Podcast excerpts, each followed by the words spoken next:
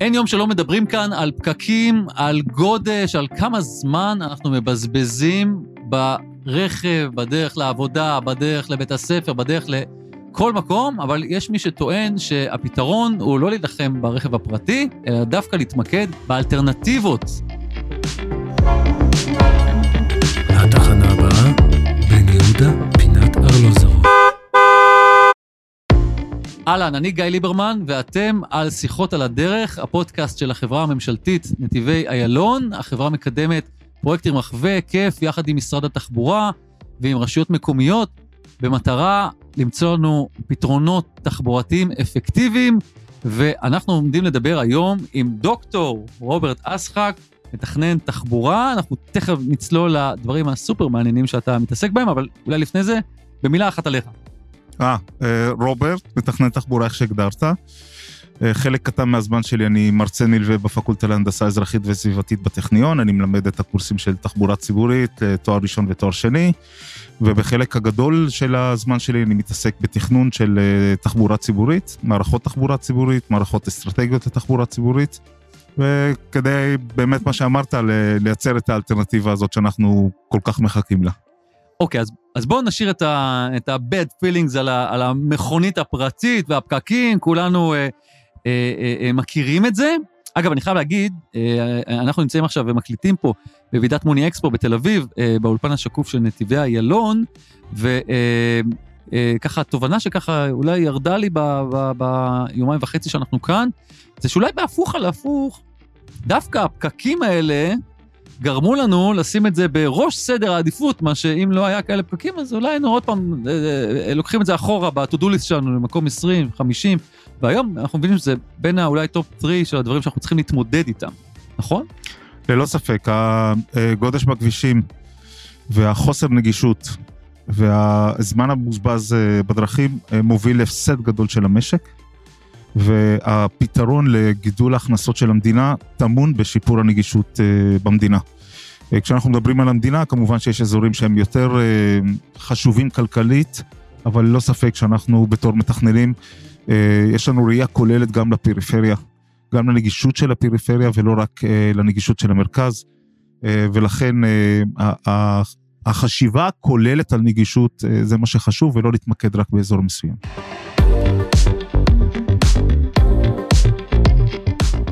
פתחתי בנושא של האלטרנטיבות, אה, ובשיחת טלפון המאוד מעניינת שקיימנו, לפחות לי הייתה מעניינת, אה, אה, לפני שפתחנו מיקרופונים, דיברת איתי לא מעט על אלטרנטיבות. אני אשמח לשמוע ממך מה בעצם האג'נדה שלך, חזרת למילה הזאת שיש לך אג'נדה בנושא, אשמח מאוד להעביר פה גם את המסר. כן, תקשיב, כל פעם שאני שומע פוליטיקאים, שרים, ואנשי מפתח מדברים על החיסול של הגודש, אני מפקפק בדברים.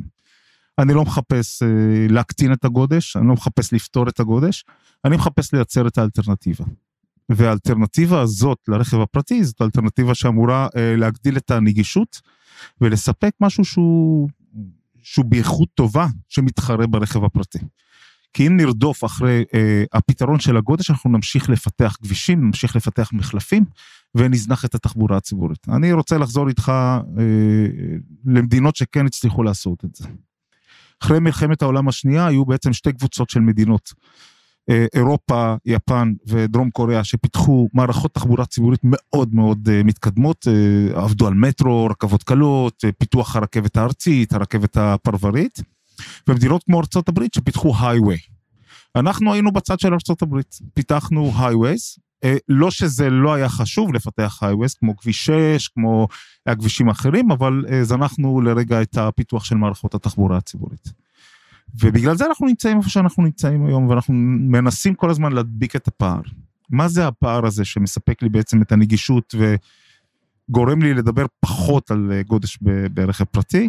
הפער הזה הוא פיתוח אה, מערכות תחבורה ציבורית אמינות, מהירות, תדירות, שיש להן הרבה אה, שעות פעילות ביום. בואו ניקח דוגמה, אה, כשאנחנו נוסעים לחו"ל, אנחנו תמיד אוהבים להגיע למטרופולין גדול או לעיר גדולה ולקבל מטרו כל 2-3 דקות. או לקבל אוטובוס כל 10 דקות, או כל 6 דקות, או כל 7 דקות. ושם זה נראה טבעי. ושם זה נראה טבעי, ושם האוטובוסים עובדים מחמש בבוקר עד אחת בלילה. נכון שבפרברים השירות הוא פחות טוב, אבל זה כבר נושא אחר. אבל בערים הגדולות, אם אני עושה הקבלה למדינה שלנו, אה, ירושלים, תל אביב, חיפה, ראשון לציון, פתח תקווה, רחובות, אה, נתניה, אשדוד, הערים המסיביות, אנחנו אמורים לקבל תחבורה ציבורית שהיא אה, פועלת בתדירות מאוד גבוהה, והיא לא רק אוסף של קווים, אלא היא רשת של קווים. וזה החשיבות בתחבורה הציבורית, שאני יוצר רשת, אני יוצר נטוורק. בנטוורק יש היררכיות של השירות. אה, לא כל הקווים הם שווים. יש לי את הקו החשוב יותר, שהוא נקרא קו אורכי, אה, שהוא אמור לעבור בצירים ראשיים, לקבל העדפה, והקווים המקומיים שאמורים להיכנס לשכונות, להביא את האנשים שבתוך השכונות למתנ"ס, בית ספר, קופת חולים, המרכז הקרוב. מה שאנחנו לא מצליחים להבין, שבחו"ל, כדי שהרשת הזאת תעבוד, היא מבוססת על מעברים, ועל הרבה מעברים. מעבר הוא לא דבר שהוא טוב ונחמד, גם לא בין קווי מטרו, לפעמים אתה צריך לעזוב את הרציף שלך, לעלות במדרגות, להגיע לרציף האחר, ואז יש לך את המטרו האחר. זאת אומרת, להחליף בין כלי תחבורה אחד לשני. נכון, ההחלפה הזאת היא החלפה קשה. יש קנס מעבר, אנחנו קוראים לזה בספרות המקצועית קנס מעבר, transfer penalty. ככל שנשכיל לתכנן את התחבורה הציבורית אה, בצורה טובה יותר, זאת אומרת המעבר קורה בתחנות מאוד קרובות או על אותה תחנה, המעבר קורה בין שני קווים שהם מאוד מאוד תדירים, הקנס הזה יורד. ברגע שאתה מבקש מאנשים לעשות מעבר ב, בין שני קווים שהם לא תדירים, ולא באותו מקום, הקנס הזה עולה. וזה היופי בעולם של התכנון. אתה יודע למה אני אוקיי? מחייך? לא. כי בדיוק היום בבוקר אה, אה, אה, אני התמודדתי עם ה... לא ידעתי שקוראים לזה קנס מעבר, אבל כן. התמודדתי עם זה. אני הגעתי לפה מפתח תקווה, אני גר בפתח תקווה, הגעתי לכאן, לגני התערוכה, באוטובוס, ואחרי זה ברכבת. כן. והאוטובוס דווקא המשיך עוד הרבה קדימה,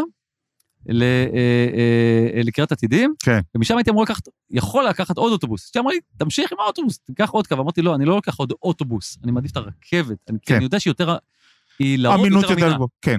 אז אני אספר לך על מה שאני עשיתי היום בבוקר. אה, מי שמכיר אותי יודע שאני שונא לנסוע ברכב פרטי. יש לי רכב פרטי בבית, אני עושה משהו כמו 4,000-5,000 קילומטר רכב בשנה. מוכר? לא, אני, אני משאיר את זה. אני היום לקחתי את קו 115 מהשכונה שלי למרכזית חוף כרמל. המעבר בין האוטובוס לרכבת בחוף כרמל הוא לא הכי נוח, אבל הוא בסדר. לקחתי רכבת לתל אביב, הייתה לי פגישה ברוטשילד, ירדתי מהרכבת בשלום, לקחתי קו 23 לאלנבי, הלכתי קצת, הגעתי לפגישה, והגעתי אליך בקו אה, אה, 48 מאלנבי לפה. הכל נראה יופי. המעברים הם קלים, כי יצאתי מהרכבת, אני ישר בתחנת האוטובוס. וקו 23 הוא קו תדיר, אז לא הייתי צריך לחכות הרבה בתחנה.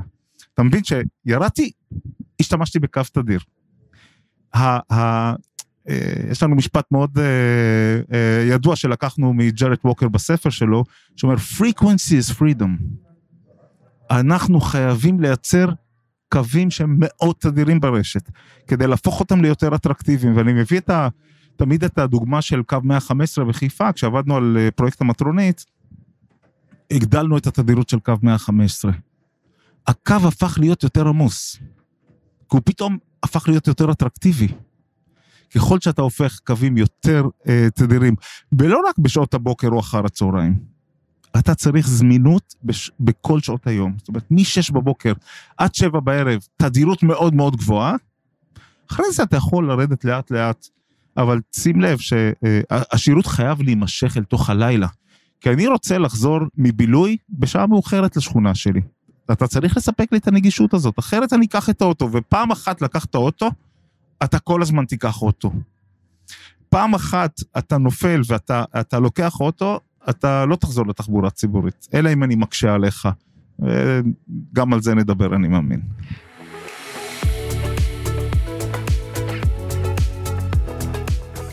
תגיד, אתה מלווה אה, כמה רשויות פה בישראל, והייתי שמח אה, לשמוע ממך כמה דוגמאות מפרויקטים שאתם עושים, שאתם מקדמים, ש, שיכולים ללמד אולי על, ה, על העתיד ועל הפתרונות, אבל אולי לפני זו שאלה אולי טיפה יותר מאתגרת, איזה, איזה מנופים או איזה לחצים אתה מרגיש שיש מכיוון של ראשי ערים, אה, לא חייב שמות, כן, אבל כי, כי להם יש התמודדות משלהם, ולא תמיד, ולפעמים זה פשוט משפיע גם על התוכניות האלה.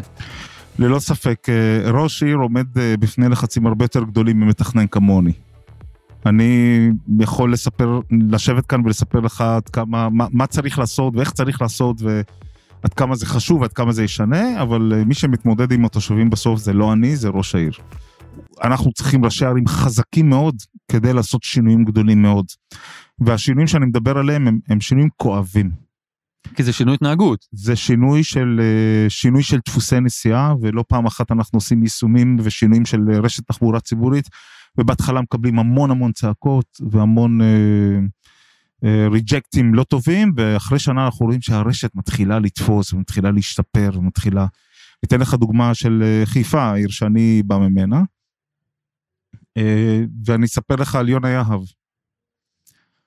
שהוא היה אחד מראשי הערים החזקים בישראל, ואם לא היה יונה יהב בשלטון, לא היינו יכולים לעשות את פרויקט המטרונית, חד וחלק. הייתה לו מנהיגות אה, מאוד גדולה, והוא ידע שאנחנו הולכים למהלכים קשים מאוד של עבודות תשתית מאוד מסובכות, של לקיחת נתיב מרכב פרטי, ושל ביטול הרבה חניות. אתה צריך ראש עיר חזק, מאמין בחזון הזה, כדי אה, שתוכל להוביל פרויקט כזה, אחרת הפרויקט שלך ייכשל. שוחחתי פה עם, אה, עם עידו דורפייבסקי, שהוא אה, אה, מנהל היום את הפעילות של נתיבי איילון, שאחראים על, על המטרונית הזאת. כן. הוא אמר לי, זה קו של 192 קילומטר, אני זוכר, זה האמת, האמת שהפתיע אותי מאוד לא, הוא... אה, המטרונית של חיפה כוללת שלושה קווים, היום היא כוללת חמישה קווים, התחלנו עם שלושה קווים, כאשר הקו הראשי הוא באורך של 25 קילומטר, וה... אני חושב שפרויקט המטרונית עשה נקודת מפנה בישראל. אה, ובהתחלה זה... אני אספר לך קצת על ה... קצת פיקנטריה מהפרויקט הזה. אנחנו באנו ואמרנו, פרויקט המטרונית, המטרונית תפעל בתדירות גבוהה, לא רק בכיוון אחד, בשני הכיוונים. היא תפעל לא רק בשעות אה, שיא בוקר ושעות אה, שיא אחר הצהריים בתדירות גבוהה, אלא כל היום. ואמרנו, חמש דקות כל היום. צחקו עלינו. כי פשוט, אה, מאיפה תביא ביקושים להיצע כזה גדול. אמרנו שהמטרונית תפעל שישי שבת, אה, קו המטרונית הראשי יפעל שישי שבת, בעצם הוא יפעל 24-7, הקו הראשון בישראל שעובד 24-7. אתה תסתובב היום בחיפה, בשתיים בלילה תראה את קו אחד מפוצץ באנשים מבלים.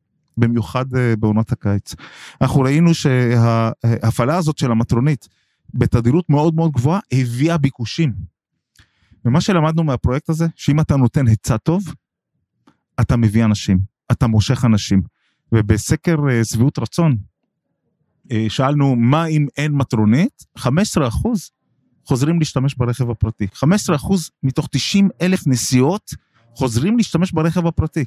זאת אומרת, המטרונית ככלי שמספק אה, זמינות מאוד גבוהה ונגישות מאוד גבוהה, מצליח להיות אטרקטיבי ולהביא אנשים.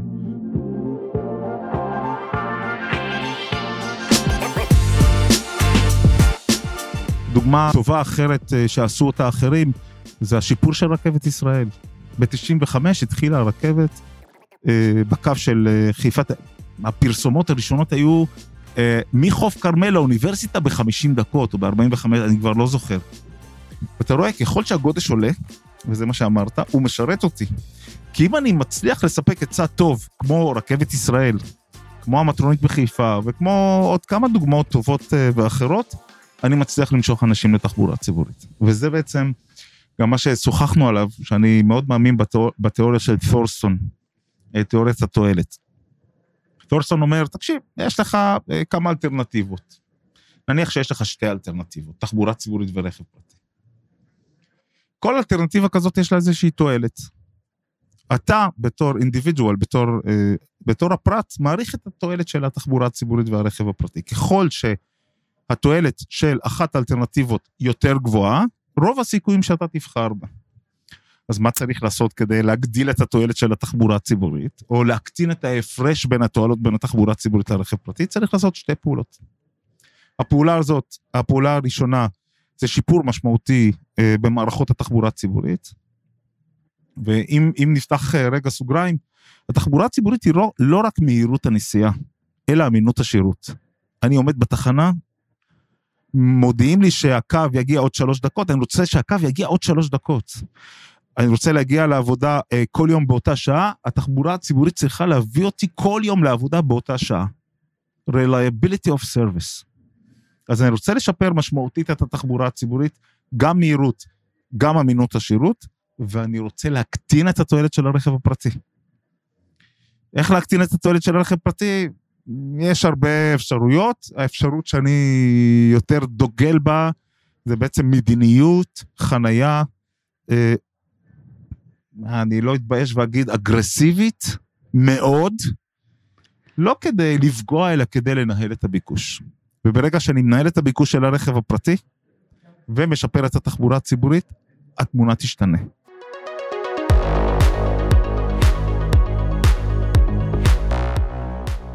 אם שאלת על אג'נדה, זאת האג'נדה שלי ללא ספק. אני, אני לא, אני לא נגד רכב פרטי שיש בו חמישה נוסעים. חמישה נוסעים, כיף גדול. הרכב הפרטי, התפוסה שלו זה 1.2 נוסעים. אתה תיסע אה, בדרכים בין-עירוניות, אפילו בתוך העיר, אתה תמצא בן אדם אחד בתוך הרכב. בזה אני רוצה להילחם. אני רוצה להילחם באלה שבאים אה, אה, לעבודה עם רכב פרטי, מכנים אותו לשמונה-תשע שעות, ואחרי זה משתמשים בו. אם אתה צריך את הרכב הפרטי שלך לסידורים, לדברים קטנים, אוקיי. אבל כל אלה שמשתמשים בעצם ברכבים וממיסים את שעת השיא, שתופסים לנו את כל הקיבולת של הכבישים, בהם אנחנו צריכים להקטין. הקטנה היא לא גדולה, הקטנה היא קטנה מאוד, זה בדיוק, אני מביא את המשל הזה של הפיכת נוזל לסוליד, מוצק. למוצק. אתה תשים עכשיו מים בתוך הפריז, ואתה תהיה על מעלה אחת, אתה עדיין תקבל מים. מספיק שאתה מוריד את זה במעלה אחת, זה יהפוך למוצק. אני רוצה את האחוז הזה, אני רוצה, אני לא רוצה אחוז, אני רוצה עשרה אחוז מהרכב, להוריד עשרה אחוז מהנפח של הרכב הפרטי, ואתה תראה שהכל יזרום. אני לא מתיימר לעשות את זה, כי אני לא רוצה לי, אה, אה, להילחם בגודש, אני רוצה לייצר את האלטרנטיבה בעצם. תגיד, אנחנו מתקרבים אה, לסיום, אני רוצה לשאול אותך, אני רוצה לשאול אותך, אה, אה, כן. כמה אנחנו אה, אה, קרובים לאג'נדה שלך? כמה אנחנו באמת, כן. גם מבחינת האלטרנטיבות וגם מבחינת ההבנה הציבורית ש, שחייבים אה, לקבל החלטות קשות? לדעתי השינוי תודעה קרה. קרה ב...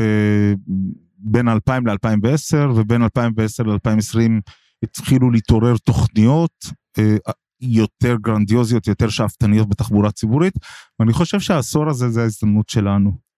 ההזדמנות שלנו אה, גם בירושלים, רכבת, אה, קו נוסף של הרכבת הקלה, גם בחיפה קווי מטרונית נוספים, גם בתל אביב אה, הרכבת הקלה, הקו האדום, והרכבת הקלה, הקו הירוק והקו הסגול, ועוד שיפורים כאלה ואחרים בתחבורה ציבורית, וזה לא רק קווי רכבת ומטרונית, אלא שיפור מתמיד של השירות של האוטובוסים, כי 85 אחוז מהביקושים בתחבורה ציבורית זה באוטובוסים. אוטובוסים הוא סוס העבודה שלנו, אנחנו צריכים כל הזמן לשאוף לשפר אותו לצד אה, אה, פרויקטים גדולים וכואבים. לא כואבים, כואבים מאוד.